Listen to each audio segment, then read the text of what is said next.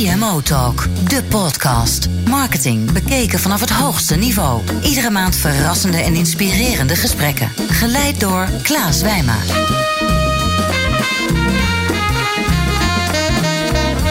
Dank voor het luisteren naar alweer de 32e editie van CMO Talk. Ik ben Klaas Wijma, oprichter van Energize, het bureau voor uh, verdiende aandacht in Amsterdam. En ook jullie host van deze maandelijkse marketingpodcast. Die inmiddels alweer ruim 10.000 keer is uh, gedownload. Dus daar zijn we uiteraard trots op. En luister je al vaker naar CMO Talk? Of is dit de eerste keer en spreekt dit interview of andere interviews jou aan? Laat dan een review achter op iTunes Podcast. Uh, heb je een iPhone? Uh, zoek dan op de podcast app en vervolgens op CMO Talk. En je kan vervolgens een review achterlaten of een beoordeling. Uh, dat helpt enorm en we doen ook echt wat met jullie feedback. zo zijn we vorige aflevering gestart met de estafette-vraag. Waarin we onze gasten ook vragen om de uh, aankomende gast ook een vraag te stellen. Dat gaan we vandaag ook weer doen. Dat was uh, gebaseerd op een tip van een trouwe luisteraar. Dus ga naar iTunes, zoek uh, op CMO Talk en laat een review achter. CMO Talk wordt aangeboden door Adformatie en Adobe en is ontwikkeld door Energize en voicebooking.com. We gaan naar de show. En mijn gast vandaag in de studio is Joris Aperges. En Joris is CEO bij We Fashion. En uh, Joris kwam in 2014 aan boord als CMO. En maakte een bliksemcarrière bij We Fashion. Want jij presteerde, Joris, om binnen een jaar van uh, CMO de stap te maken naar CEO van het uh, ja, mooie Nederlandse modemerk.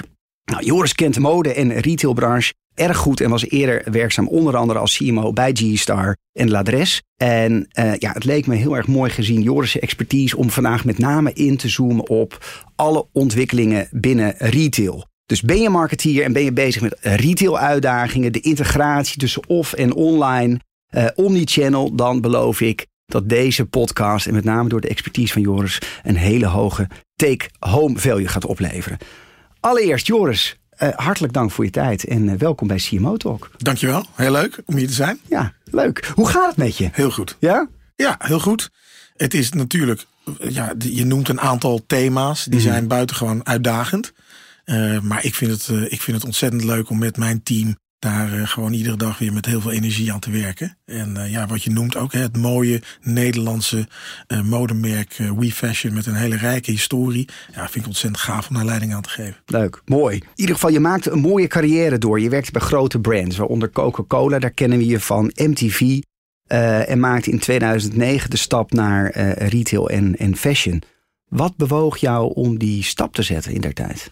Nou, kijk, als je van merken houdt, en dat, ik ben een merkenman, ik hou ervan om, uh, om toch uiteindelijk mensen in beweging te krijgen, mm. dan, uh, dan is mode natuurlijk een fantastisch product om mee te kunnen werken. Het, het heeft een ongelooflijk expressieve waarde. Mensen hebben het letterlijk op hun huid, dus het is heel persoonlijk.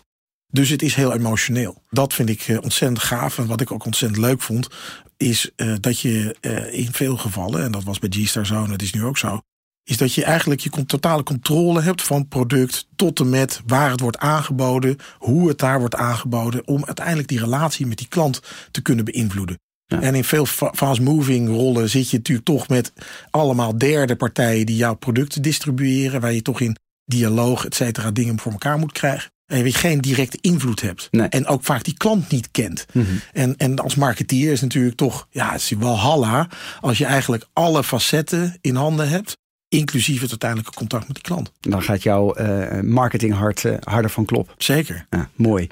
Je zit nu, wat ik aangaf in de introductie, al vier jaar bij We Fashion. En nou, je maakte uh, vrij snel de stap van CMO naar CEO. Hoe heb je dat in hemelsnaam voor elkaar gekregen? Dat wat een van de, de uitdagingen die We uh, had en heeft. En een van de oplossingen die natuurlijk in dat krachtenspel, wat je net ook schetst, uh, van on-offline en, en alles wat er gebeurt, is het merk. Hè? En het merk is het, het baken, is het ding waar klanten zich aan vasthouden. En dat zag ook uh, de eigenaar in. Is, uh, had een, gewoon een belangrijkere plek, moest dat krijgen in de bedrijfsvoering. Hmm. Nou ja, dus een, en, en eigenlijk, het begint altijd van binnenuit een merk. Hoe beleven de medewerkers dat merk? Hoe vertaalt zich dat in uh, de werkprocessen? Hoe komt dat dan uiteindelijk in je in je communicatie, maar ook vooral in je, in je winkelomgeving terug. Hij zag ook dat het zo'n centrale rol moest krijgen, dat het niet zo raar was eigenlijk om dan mij als CMO uiteindelijk CEO te laten zijn. En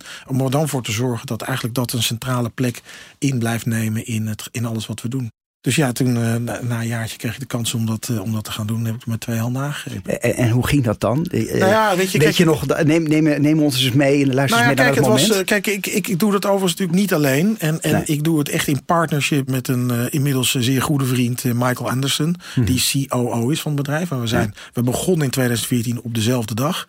Ik in die rol van CMO en hij als digital champion in onze groep. Om ervoor te zorgen dat die digitale innovatie uh, sneller zou gaan. De groep is dan met O'Neill en Van Gils. Want dat is ja. één, één, uh, één uh, van dezelfde eigenaar. En we, we klikten vanaf dag één heel erg goed samen. hij dus eigenlijk lateraal over die verschillende merken. Wij kwamen elkaar tegen op, op e-commerce. Ja, en na een jaar hadden we zoveel samen gedaan, zoveel samengewerkt. We waren zo'n goed team. Dat ook de eigenaar zag van weet je wat, ik ga die gasten samen geven de sleutels van het bedrijf. Dus ja. ik ben wel CEO. En doe de, ik geef leiding aan de productontwikkelingsdivisies, aan uh, het merk en uiteraard ook aan HR. Ja. En hij stuurt winkeloperatie en e-commerce en de andere facetten van het bedrijf aan. En we doen het in tandem. Ja. En dat, dat gaf ook een stukje uh, vertrouwen. Want dat is natuurlijk, ja, het is een uitdagende positie. Hè? En ik ben niet eerder CEO geweest van een bedrijf. Ik voelde wel dat ik daar uh, aan toe was en uh, dat ik daar veel zin in had. Maar het is wel fijn om dat dan met z'n tweeën te doen. We kunnen met z'n tweeën de deur dichttrekken en zeggen: wat vind jij, wat vind jij? Pingpongen veel. En uh, dat geeft ook ja, dat geeft vertrouwen. Die match. Ja. 2017. Dat was een pracht marketingjaar voor jullie. jullie wonnen onder andere een Effie. werden sponsor van het jaar bij de sponsoringen. mede ook door de toch wat gewaagde branded content samenwerking met televisie, soap, goede tijden, slechte tijden. Hoe bereikte dat idee jou voor het eerst? En, en wat waren jouw criteria om ja te zeggen tegen deze samenwerking? Nou ja, we hadden um, een duidelijke uh, strategische uh, intentie rondom het sterker maken van onze vrouwencollectie en ons vrouwenmerk. Mm -hmm. We hebben natuurlijk mannen en kindjes in ons portfolio. Ja. Onze marketingdirecteur, Chantal Oldhoff, die uh, was in gesprek met RTL. Omdat we natuurlijk ook The Voice Kids sponsoren samen mm -hmm. met RTL. En zij is ook een groot fan van branded content. Zij was in gesprek met RTL om te zien van zijn er nog andere platformen waarmee wij onze vrouwenpropositie over het voetlicht kunnen brengen. En toen erom RTL samen met Endemol met het idee om iets met goede tijden te doen. Nou, in all fairness was ik in eerste instantie niet uh, verkocht aan het idee. Geen ik, groot fan van uh, nou ja, ik, ik, kijk, ik heb het eigenlijk nooit gekeken en ik vond het niet per se heel cool. Hmm. Hè? En ik vind toch coolness is toch altijd wel een onderdeel van hè, merk van bouwen merk. en merken mensenbeweging brengen. Maar toen we daar verder over spraken met elkaar en Chantal was heel volhardend in, het, uh, in haar overtuiging dat we het wel moesten doen. Raakte ik toch gecharmeerd van idee. Met name omdat we op een gegeven moment vaststelden dat we als we, als we die werkelijkheid nog directer in het idee gingen inbrengen. Dus mm -hmm. uiteindelijk, weet je, die collectie die komt echt in de winkel. We gaan een modeshow in de show op televisie laten zien. En we zorgen ervoor dat er ook nog mensen uit de mode-industrie als een soort cameo's in goede tijden een rol krijgen. En dat was in dit geval Anouk Smulders. Dan, krijgt, dan wordt die, die werkelijkheid en die, en die fantasie komt bij elkaar in toch wel iets heel erg gaafs. En dat vond ik toen, zag ik wel van dat is wel een vernieuwend element. Fictie binnen non-fictie. Ja, fictie binnen non-fictie, weet je, dat is een vernieuwend element.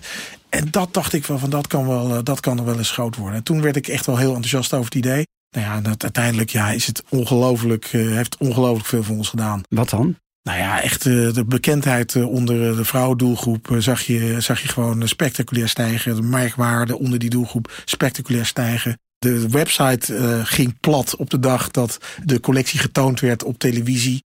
Ja, we hebben echt gezien dat het uh, vierde kwartaal van 2016 voor ons ook uh, in, in omzet gewoon heel succesvol was. Vandaar ook een Effie. Ja, dus ik denk dat die Effie op dat vlak ook verdiend was, ja, in all fairness. Heb jij ook het moment dat, dat er ideeën worden gepitcht? Want je blijft toch een marketeer. Maar daarom zit je ook hier bij, bij CMO Talk.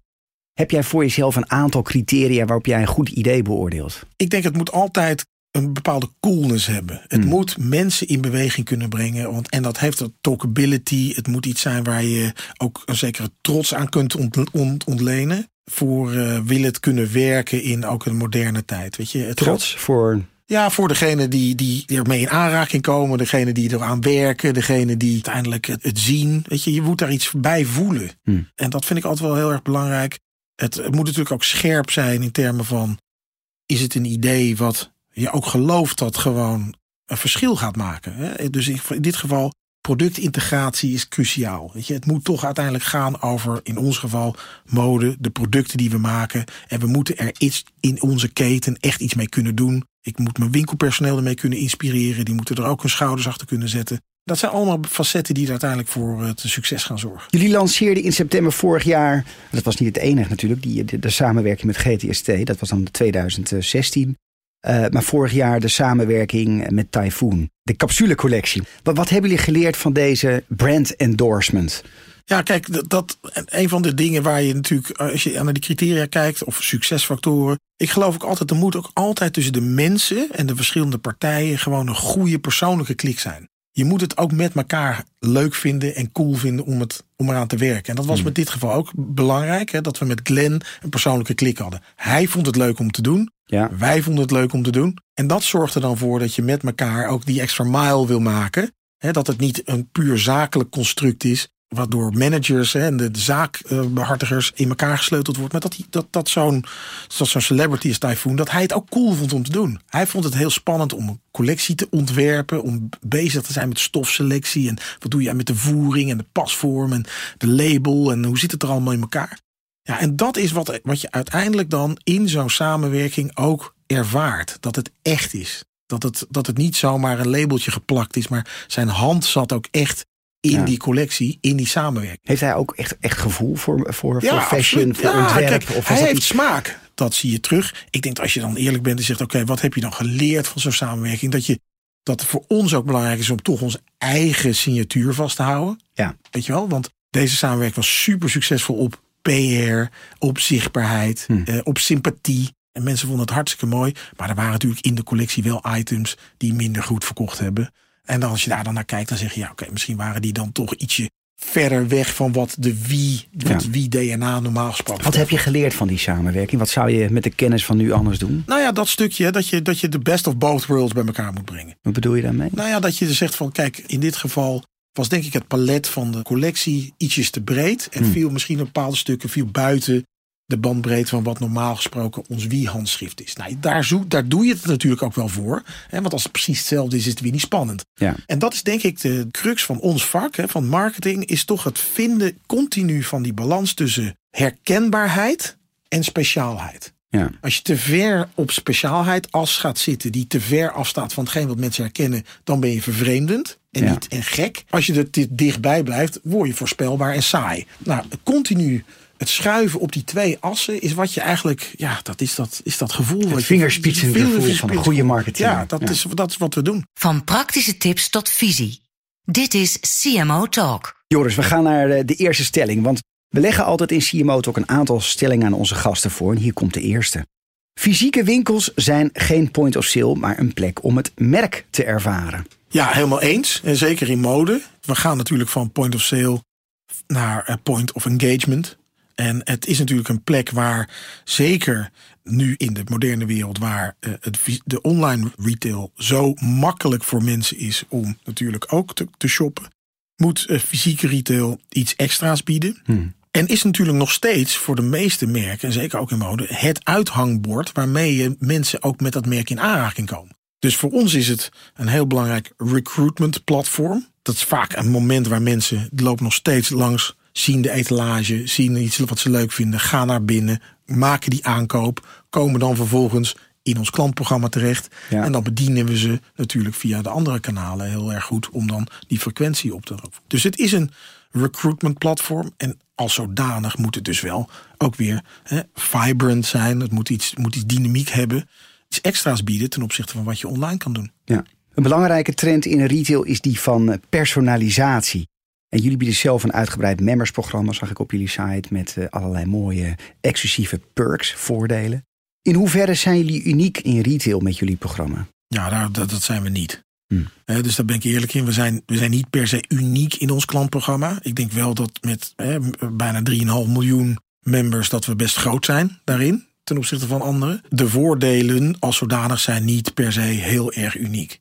Ik denk dat het gaat vooral over het is de plek waar je die relatie tussen merk en klant eigenlijk bestendigt. De klant zegt ja, ik vind jou een dusdanig leuk en interessant en relevant merk voor mij dat ik mijn persoonlijke gegevens aan jou wil geven. En wij als merk moeten dat vertrouwen continu uh, waar blijven maken. Dus het is ergens waar je de relatie een beetje officiëler maakt. Dat gegeven is gewoon super belangrijk. Is niet extreem anders. Ik denk dat andere merken daar op dezelfde manier naar kijken. Maar het is wel een belangrijk element in ja, die veranderende dynamiek. En het geeft je een stukje stabiliteit in het bouwen van je business. Omdat je continu terug kan gaan naar die mensen, naar die klanten. En hen continu weer opnieuw kan inspireren. Want mode is natuurlijk niet een product wat je op je boodschappenlijstje zet. je, gaat niet, je staat niet voor je kledingkast en zegt: Ik heb een nieuwe spijkerbroek nodig. Je hebt er meestal twee of drie, vier in de kast hangen. Dus je moet worden geprikkeld om weer uh, tot actie over te en, en hoe doen jullie dat dan? Nou ja, dat prikkelen doe je natuurlijk door je e-mail marketingprogramma. Ja. En daarin willen we natuurlijk steeds persoonlijker worden. Hm. het is natuurlijk, de crux is natuurlijk wel, en dat, dat is natuurlijk in je vraag uh, juist verwoord, om steeds preciezer te kunnen anticiperen op wat iemand zou willen. Dat is ook niet altijd eenvoudig, want je aankoopgeschiedenis is niet per se verklarend voor wat jij zou willen. Als jij al een spijkerbroek gekocht hebt, moet ik jou niet meteen weer lastigvallen met weer een spijkerbroek idee.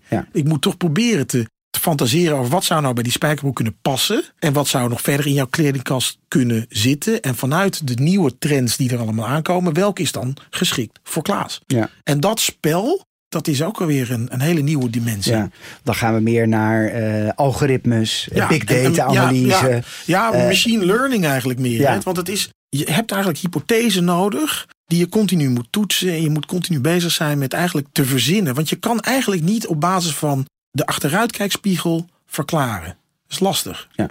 Je hebt niet, zoals een Albert Heijn, 63 eh, shoppingtrips... waarin je elke zes weken pindakaas terugziet. Ja, dan kan je wel redelijk voorspellen wanneer je weer met pindakaas moet beginnen.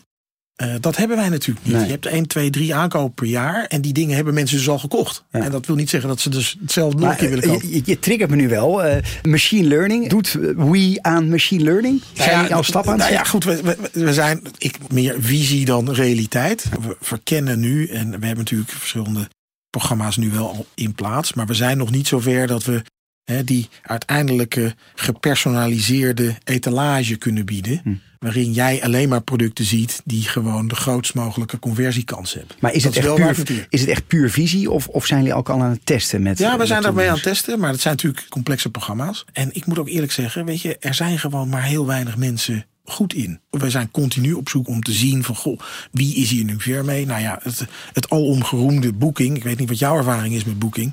Maar ik krijg van Booking uh, een, een e-mail uh, van de plek waar ik net vandaan kom. Ja. ja, dat vind ik niet heel smart. Nee. Begrijp je? En dat is wel een van de allergrootste, meest geavanceerde online bedrijven binnen een heel relevant en emotioneel domein reizen. En zij kunnen ook niet voorspellen wat nou de juiste uh, gecurated offer voor mij is. Hè. Net terug van de wintersport. Ja. En, uh, ja, dan krijg je weer eh, in die plek is nu een aanbieding. Ja, maar daar wil ik niet nog een keer naartoe. Begrijp je? Terug. En, en nog steeds niet snappen ze wat van de 10.000 hotels in Rome nou de vijf zouden moeten zijn die ik wil bezoeken. Dat wil gewoon zeggen dat het heel moeilijk is. Begrijp je? Als het hun niet lukt om dat goed te doen of in ieder geval in mijn bescheiden mening niet goed te doen. Het is natuurlijk een fantastisch succesvol bedrijf. Laat dat even voor alle luisteraars uh, daar geen twijfel over laten bestaan. 12 miljard omzet. Nee, weet je wel. Maar ik vind het opvallend, weet je wel. Ik vind het opvallend dat het dus, terwijl het eigenlijk allemaal zouden willen en snappen dat dit de holy grail is, dat het ons met elkaar toch nog niet goed kan lukken om dat echt goed uit te welk, welk voorbeeld komt er bij jou binnen van een merk die daar wel in de buurt komt, die het wel goed doet? Nou, er zijn natuurlijk toch niche-merken die vanuit een sterke visie en een heel klein en vaak smaakvol productassortiment uh, zichzelf organiseren. Die zijn daar goed in staat toe. Hè. Maar, dat, maar dat betekent overigens wel dat je je als kan je een voorbeeld geven? Nou ja, als je kijkt naar in kleding en dan misschien uh, wat, wat, wat specifieker voor, voor mijzelf, mm -hmm. uh, is als ik kijk naar Mr. Porter als, mm -hmm. als multibrand platform. Met een heel duidelijk en super smaakvol gearrangeerd assortiment. En de storytelling eromheen is ongelooflijk rijk en knap. En dus ook is hun communicatie, vind ik, heel fraai en, en aansprekend. Ja. En hun product recommendations, die zijn vaak heel juist. Die zijn wel degelijk bepaald op het verleden. Ja. Maar de, die doen dat wel, uh, wel goed. Maar dat, hun aanbod en hun de bandbreedte tegen wie ze praten is ook heel smal. Ja, dat is een niche. Dat is een niche. Het de grote uitdaging op voor massamerken om dat goed te doen. In een steeds verder digitaliserende wereld staat de rol van fysieke retail continu ter discussie. We zagen weer het faillissement van Kijkshop. Ondanks alle verwoede pogingen met een app om een community op te bouwen. Nou, eh, V&D. Uh, nou, jullie richten uh, met jullie assortiment natuurlijk ook op jongeren. Hoe belangrijk is dat fysieke retailkanaal nog voor jullie? En is het nog wel van nu? Ja, het, het is heel erg belangrijk. Je moet je gewoon realiseren, Klaas, dat als je als jij gewoon een webshop begint, en er zijn geloof ik 6000 modewebshops uh, die het ieder jaar proberen, dan, dan ja, je bent totaal onzichtbaar. Je hebt geen enkele uh, natuurlijke uh, aanloop qua traffic. Dus je zult alles wat je dan naar de deur binnen wil trekken, zul je via marketing uh, de deur binnen moeten trekken. En dat vergt gewoon waanzinnige investeringen. Ik bedoel, About You, gelanceerd natuurlijk in Q4. Nou ja, die hebben een onwaarschijnlijk bedrag in marketing gestopt. Ik kan nog niet helemaal zien hoe succesvol ze zijn. Maar dat zijn wel een beetje de dynamieken waar je dan over praat. Je moet in één keer heel groot worden, hè, met heel veel geld.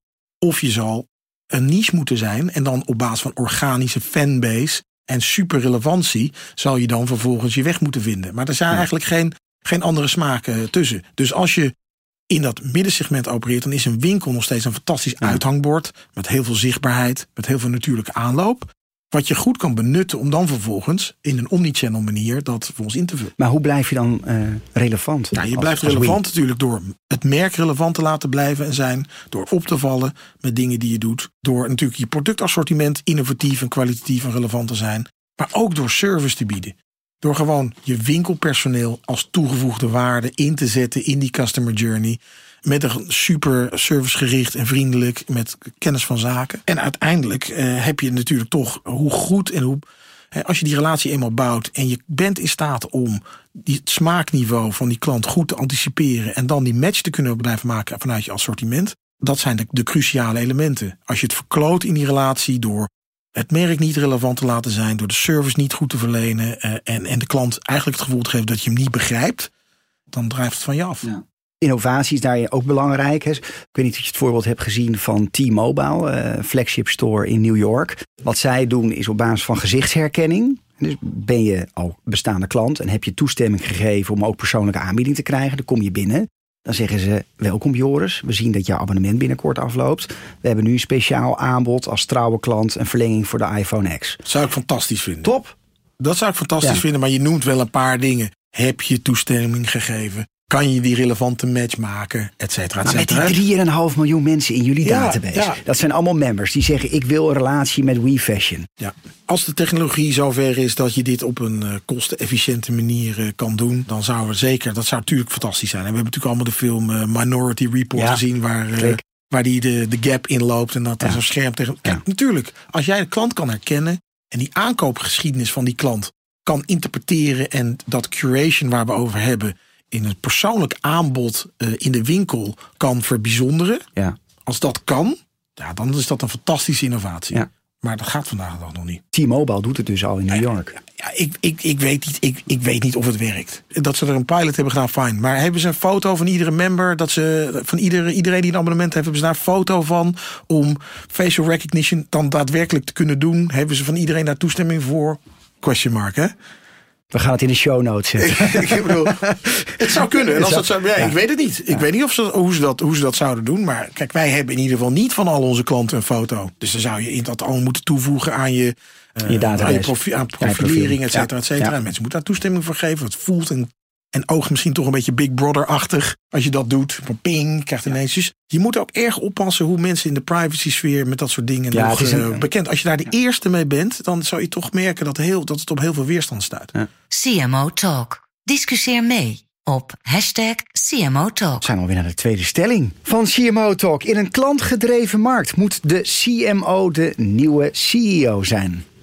Moed is wel heel stellig, maar ik denk dat alles draait om de klant. in elke business is natuurlijk de heeft de klant de sleutel en dat wordt nu steeds belangrijker. Het empowerment of the customer is natuurlijk niet meer eh, terug te draaien. Dus goed zicht op het hebben van de klant. Wie is die klant? Hoe gedraagt hij zich? En hoe zorg ik dat ik mijn product of dienst daar naadloos bij laat aansluiten? Wat in principe natuurlijk toch het marketingvak behelst, is een heel belangrijk onderdeel van ieder bedrijf. Dus ja, ik denk wel dat uh, de succesvolle bedrijven vaak heel marketinggericht zijn. Marketing gedreven zijn. Hm. Dat hoeft niet per se dan te zijn dat de CMO dan de CEO is. Maar dat het in ieder geval een belangrijk onderdeel wordt van de bedrijfsvoering. En niet dat marketing een soort stafafdeling van uh, uh, ergens zit. Die misschien onder iemand zit die dan ook nog communicatie. Ze wordt ver weg van de directie. Dat, ja. dat zijn vaak niet de succesvolle clubjes. We gaan naar de estafettevraag. Althans, vorige maand interviewde ik Kees van de Heuvel, CCO bij credit management dienstverlener GGN.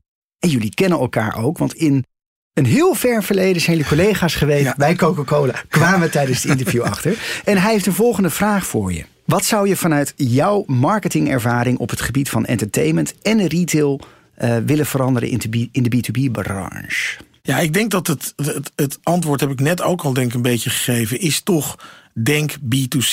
Weet je wel, het hele idee dat er een B2B-markt is, vind ik eigenlijk al een hele rare, rare stelling. Want de, de, de, de, degene aan wie jij probeert te verkopen, is ook een mens van vlees en bloed. Ja. Is ook dus een persoon. Is ook iemand die geraakt wordt door emotie. En die at the end of the day ook naar huis rijdt. En tegen zijn vrouw wil of niet hè, vertelt over wat hem. Weet je, dat is ook gewoon maar een klant.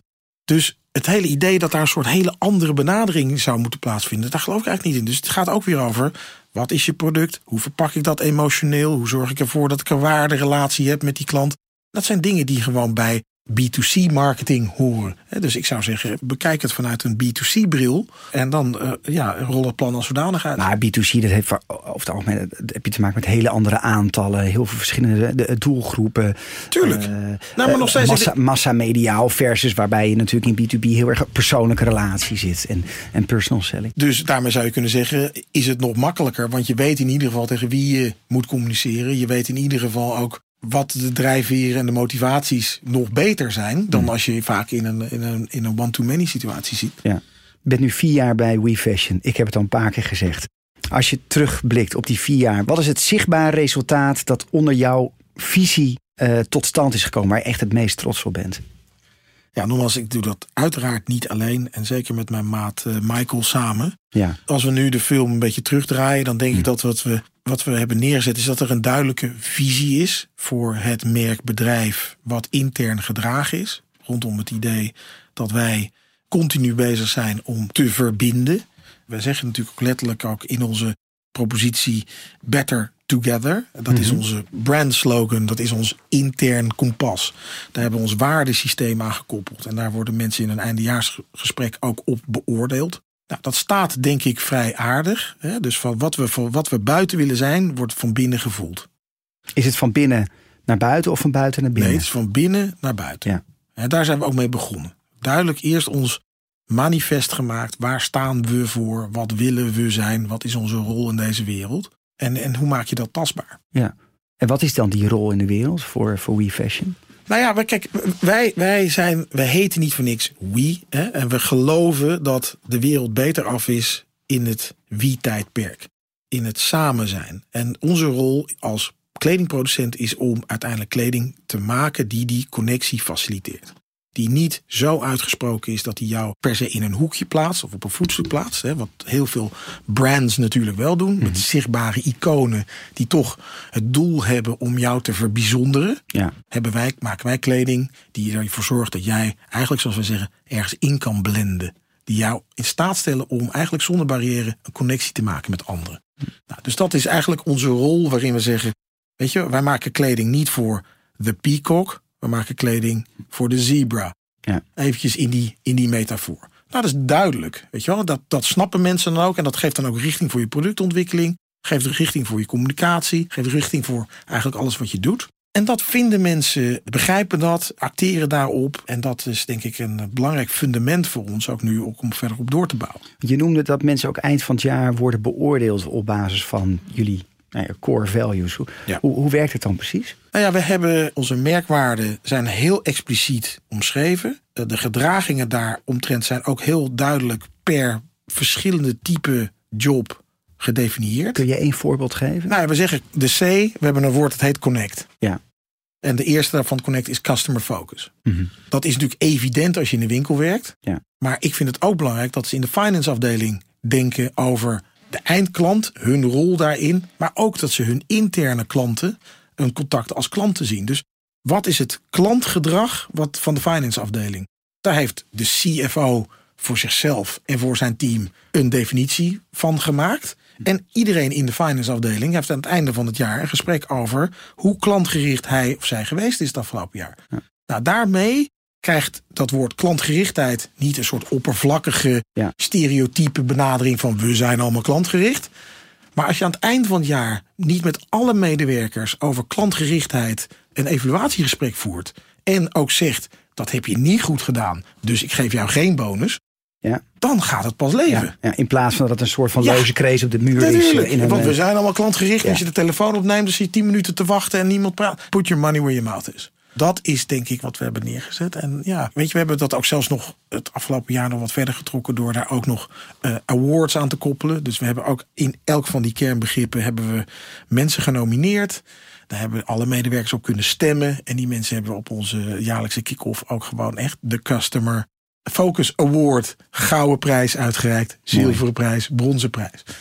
Je kan het misschien een beetje Amerikaans vinden. Medewerker Hè? van de maand, maar dan Medewerker op van de maand. Maar luister, Maar het gaat om day, het, het gaat er één om trots. En twee gaat het om, je maakt het gewoon zichtbaar. Je, Ja. Een abstract begrip krijgt een gezicht. En daarmee snappen mensen het veel beter. Nou, je bouwt ook daarmee echt aan je cultuur. Ja. Oh ja, dat, zij heeft een Ja. Customer Award eh, op Connect geworden. Ja, geweldig. Tof.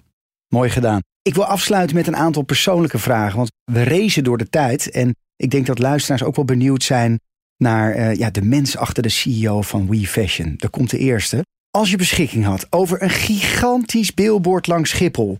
Welke levensspreuk zou je daarop zetten en waarom? Ja, ik zou daar toch ehm, eh, een spreuk, of eigenlijk de slogan van een van mijn favoriete merken, Nike, zou ik daar toch Just Do It op zeggen. Omdat ik dus geloof, weet je wel, dat je vanuit intuïtie, eh, natuurlijk met enig nadenken, maar vooral dingen moet doen. Weet je, ik vind dat zo'n, eh, het heeft me altijd zo aangesproken, het, het idee van Just Do It, waarin zit, je kunt eigenlijk alles, je kunt bergen verzetten als je maar erin gelooft. Het klinkt misschien een beetje cheesy, maar ik vind het gewoon heel cool en motiverend. Is dat ook jouw eigen ervaring Ja, ik vind wel dat gewoon, weet je, ik, ik, ik, ik probeer natuurlijk, eh, hè, natuurlijk toch eh, goed na te denken over dingen. En ik heb een gekke eh, rationeel brein, maar ik heb ook een creatief brein. En Hmm. het creatieve brein neemt ook vaak het, het over van het rationele brein. En gelukkig heb ik dus Michael als partner die andersom is. Ja. Dus met z'n twee zijn we daar denk ik heel complementair in. Maar het, het doen eh, op intuïtie, omdat je weet dat iets goed voelt, weet je, is gewoon belangrijk. En we kunnen dingen doodredeneren en, en eindeloos eh, rondpassen en dan uiteindelijk een soort verwaterde versie van het origineel uitvoeren. Maar daar geloof ik eigenlijk, eigenlijk niet in. Joris, met de kennis van nu, welk advies zou je jongeren zelf meegeven? We gaan even terug in de tijd dat je net je bul op za- zak had eh, van bedrijfs, bedrijfseconomie Erasmus Universiteit. 23 jaar. Aan de ene kant zou ik zeggen, weet je, eh, besteed toch goed tijd en aandacht om je te oriënteren. Waar zit nou autonome vraag? Wat zijn groeimarkten? Waar zit de wind in de zeilen? Want ik ervaar toch elke dag in mode dat dat best uitdagend is. En dus zorg er dan voor dat je je slagingskans als het ware eh, optimaliseert.